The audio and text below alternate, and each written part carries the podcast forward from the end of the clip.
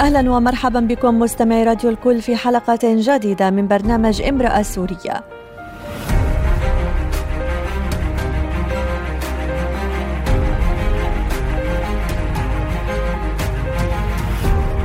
امرأة سورية برنامج يأتيكم كل أسبوع على هوا راديو الكل. نناقش فيه قضايا ومواضيع تهم المرأة السورية. لنتعرف على أبرز التحديات والمشاكل التي تواجهها.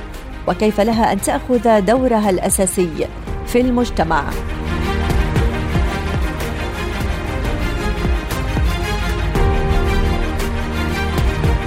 هناك قضايا اجتماعية يجب إحياؤها على الدوام حتى لا تتعرض للنسيان أو التغاضي عن أهميتها ومنها زواج القاصرات الذي لا تزال الإحصائيات تنبئ بخطر انتشاره وبأن العالم لا يزال يصم آذانه عن أضراره الاجتماعيه مؤثرا عادات وتقاليد بالية على دراسات علمية واضحة ودعوات لتجريم هذه الظاهرة ومحاسبة المطلعين بها على اعتبارها جريمة ضد الطفولة. اليوم ستكون معي المدربة المختصة في الأمومة والطفولة الأستاذة ريم صابوني لتشرح لنا مساوئ زواج القاصرات وتبعاته وأسباب انتشاره. ولكن بداية سنستمع كيف رأى الشارع السوري زواج القاصرات.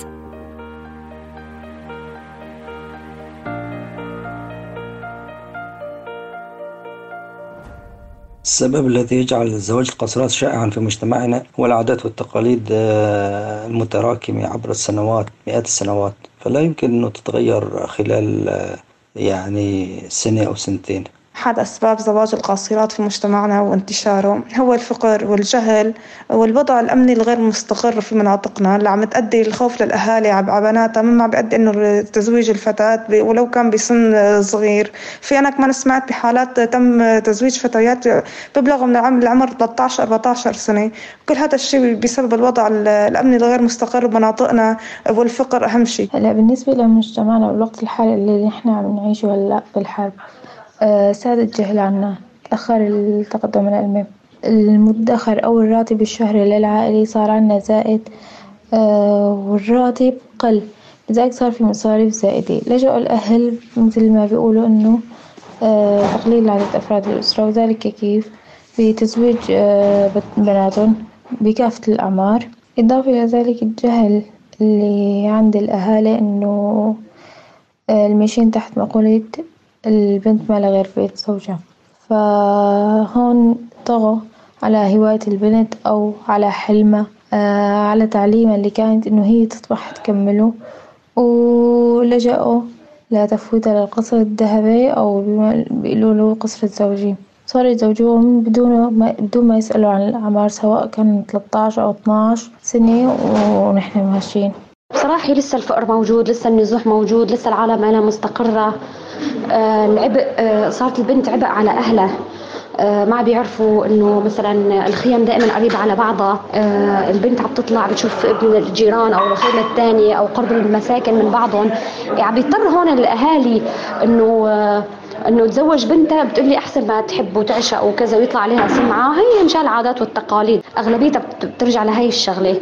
آه كثرة الصبايا الأيتام اللي اللي اللي الأمهات بيكون أمرها مو بإيد الأم أحيانا بيكون إيد العمام أو أحد الأقارب. إيه والله هي هي هي هي الأسباب نفسها لأني لسه لسه لسه نحن الحرب موجودة لسه الثورة موجودة لسه الأزمات هي نفسها.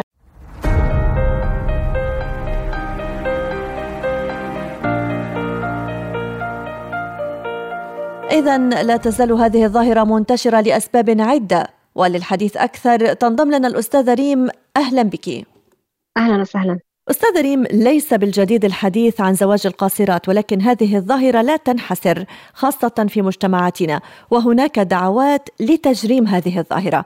ما مدى شيوع ظاهرة زواج القاصرات وما أسباب ذلك وفقا لمشاهداتك؟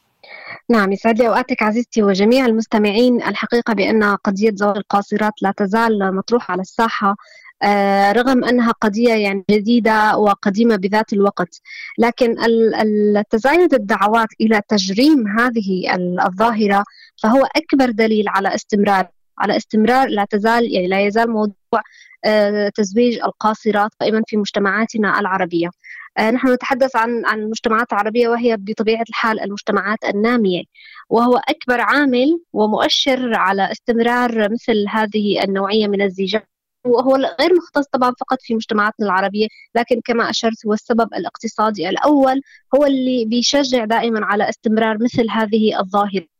آه وفي بعض الأحيان هي عادة مجتمعية هي ليست فقط ظاهرة وإنما عادة مجتمعية قد يمارسها البعض لأسباب عديدة تعود يعني. أول الأسباب إذا كنا بدنا نحكي عن سبب يعني استمرار هذه الظاهرة السيئة الفقر طبعا وعدم القدرة على تحمل أعباء الأطفال والفتيات والفكرة القائمة وراء قضية الستر على الفتيات. أو بداية العدم يعني القدرة على تحمل الأعباء المادية والاقتصادية وطبعا بطبيعة الحال التعليمية. بعض الأفكار الكامنة وراء العفة آه، أو بعض الأفكار القائمة وراء آه، تزويج الفتيات لنفس العائلة أو لنفس القبيلة للحفاظ على الميراث إلى آخره من هذه آه، الأفكار والعادات والأعراف البالية. إذا استمرارها يعني يباركها مجموعة من العادات والأفكار القبلية أو المجتمعية القديمة أو الموروثة البالية. فهذا طبعا يصلنا يوصلنا إلى مزيد من بذل المجهود من أجل أن, نصعد الأمر وأن آه، نحث المزيد على تجريم مثل هذه آه، آه، الظاهرة ووصولها إلى إلى قضية كما قلت التجريم قانونا وليس فقط يعني منعها مجتمعيا وإنما نحن بحاجة إلى سن قوانين وإن كانت القوانين في بعض الدول موجودة لكنها لا تطبق أو يتم التهرب وتخلص منها. نعم. سنتكلم أكثر عن تجريم زواج القاصرات. البعض يهاجم هذه الفكرة بدعوى أن زواج القاصرات يعني جائز شرعا. هذه الدعوة التي يعني يجيبون بها أنت ما رأيك هل تؤيدين هذا هذا الطرح؟ نعم. الحقيقة آه، قضية أن نحن دائما نحاول أن نمزج المقدسات الدينية بالقضايا المجتمعية من أجل أن نخاف أن نتطرق إلى مثل هذه الأمور وهي قضية إلباس الحق بالباطل وقضية أيضا آه، إلباس آه، القدسية الدينية على هذه العادة حقيقة الأمر يعني في نحن لا نناقش الأمر من من ناحية دينية وإن كان أصلا في الدين آه، آه، خذ العفو وأمر بالعرف. اذا نحن يجب أن أن نأمر بالعرف المجتمعي الذي يطالب بأنه آه، الأطفال هم أطفال دون سن الثامنة عشر كمان باتفاق القانون الدولي. لكن كما أشرت أنه اللي بي, بي دايما بيدافع عن القضية كونها أمر ديني هو يحاول أن يدافع عن حقه هو شخصيا في الزواج من القاصرة. يعني هو يحاول أن يلبس الحق بالباطل كما أشرت ويحاول أيضا آه، آه، أن يثبت وجهة نظره لكن الحقيقة أنها كلها وجهات نظر واهية. يعني إذا أتينا إلى قضية آه، بأن الفتاة قادرة على الإنجاب بمجرد البلوغ هي قضية أثبتت عدم صحتها إطلاقا فيزيولوجيا وسيكولوجيا يعني معنى أن الفتاة بلغت فهي قادرة على الزواج وقادرة على الإنجاب فهو أمر فسيولوجي بحت وهو يتعلق بكون آه، الأمر يتم جسديا فقط. لكن الزواج ليس مؤسسة جسدية ليس قائم على إشباع المتع والرغبات الجنسية. الزواج أكبر من ذلك بكثير. ومؤسسة اجتماعية وهو ومن ورائها هنالك أهداف. آه، إذا أيضا الزواج يرتبط بالكفاءة والأهلية. الكفاءة والأهلية والقدرة على آه، القيام بأمور وأعباء المنزل أو أعباء الزواج. وهي ترتبط آه، أيضا بطبيعة الحال بالنضج الجسدي العقلي الفكري وأيضا العاطفي. فإذا ما تم ربط النضج بكونه نضجا جسديا فقط وكونه وكون المرأة آه، بلغت فهي إذا آه، لديها رحم وتستطيع أن تحمل مولودا فهي كارثة كارثة إنسانية بكل معنى الكلمة. أساسا فيزيولوجيا هنالك اختلاف في سن البلوغ. هي أول نقطة. سيكولوجيا هنالك اختلاف بين الدراسات التي تشير إلى سن النضج. هنالك دراسات تشير إلى أن سن النضج سيكولوجيا يصل إلى سن ال 24 عاما.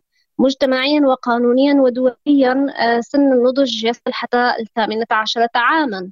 فإذا آه، كل الحجج والبراهين أو التي يتخذها هؤلاء هي حجج واهية. وكما أشرت هم يحاولون إلباسها لباسا دينيا من أجل أن يرهبوا المجتمع ويرهب بصراحة ضعاف العقول وضعاف الدين. آه، ويعني يدافع عن قضيتهم وهم بالأحرى إلا يدافعون عن نزواتهم ورغباتهم الجنسية. نعم. طيب أستاذ ريم كيف يمكن رفع سوية الوعي المجتمعي لمحاربة هذه الظاهرة برأيك؟ تمام كما أشرنا وقلنا بأن قضية زواج القاصرة ليست بالقضية الجديدة التي تطرح الآن على الساحة وهي ليست هي القضية التي تثير الجدل حديثا. هي قديمة حديثة كما يقال. لكن يعني أنا أرى بأنه إن تتكاتف الجهود. آه، صحيح أن هنالك قوانين سنت في الكثير من الدول العربية لكنها لا تزال آه، غير قادرة أن تكون جازمة يعني قوانين غير جازمة. ما عدا إلى أنه أن بعض القوانين يتم التلاعب أو الالتفاف حولها. يعني قضية أصلا زواج القاصرات تتم آه، دون أن يكون هنالك أوراق قانونية. يعني تتم من خلال رجل دين أو من خلال مأذون أو شيخ يقوم بكتابة العقد ولا يتم إثباته في المحكمة فهذا لا يعرض المجرم الذي يقوم بهذه العملية إلى المسائل القانونية إذا نحن نحتاج إلى تكاتف مجتمعات مدنية ومؤسسات أيضا إعلامية نحتاج أيضا إلى تكاتف جهود المتنورين والمثقفين وأيضا آه، أن يتغلغلوا في المجتمع وخاصة في المجتمعات الفقيرة والمجتمعات النائية والتي لا تزال إلى هذه اللحظة تمارس هذه الجريمة. آه، يؤسفني القول إلى أنه آه، بعض المجتمعات هي ليست نائية وليست فقيرة لكنها لا تزال تمارس هذه الجريمة في تزويج الفتيات القاصرات.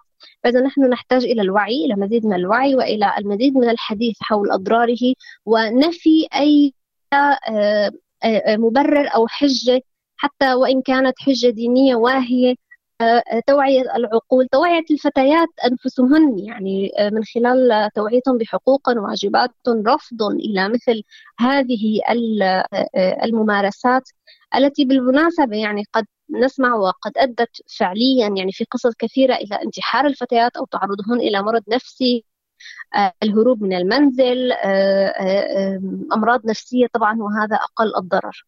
نعم. إذا لا لزواج القاصرات ونعم للحد من هذه الظاهرة. شكرا لك يا الأستاذة ريم لإثرائك هذا اللقاء. العفو أهلا وسهلا. بكم المستمعين جميعا يا رب.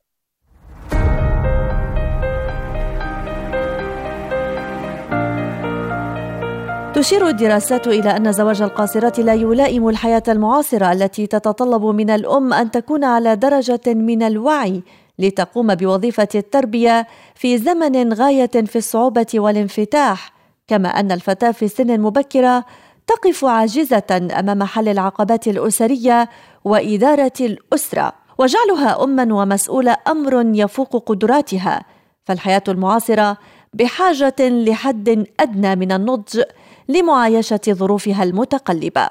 ليست قاصرا بل طفلة. لها احتياجاتها ومتطلباتها من الوعي الكافي.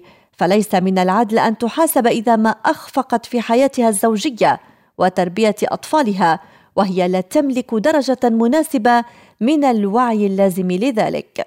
لنتخلى عن الثقافة البائدة القائلة باخدها صغيرة وبربيها على إيدي ولتأخذها واعية ناضجة قادرة على استيعاب مشاكل الحياة وتحمل مشاقها والتعاطي مع تقلباتها ولتكون سندا لك في حال احتجتها يوما. واما صالحة قادرة على تنشئة أبنائك على قدر من التعليم والوعي اللازمين لمواجهة الحياة. إلى هنا نكون. قد وصلنا مستمعينا إلى ختام حلقة هذا الأسبوع من برنامج امرأة سورية. يمكنكم الاستماع إلينا دائما عبر الموجة 95.5 FM في إدلب وحلب. وعبر شاشة التلفزيون على مدار النايل سات على التردد 12562 عمودي. كما يمكنكم الاستماع إلى جميع حلقات امرأة سورية عبر منصة بودكاست سبوتيفاي وعلى موقعنا الإلكتروني راديو الكل dot com. نلقاكم الخميس المقبل وإلى ذلك الحين كونوا بخير.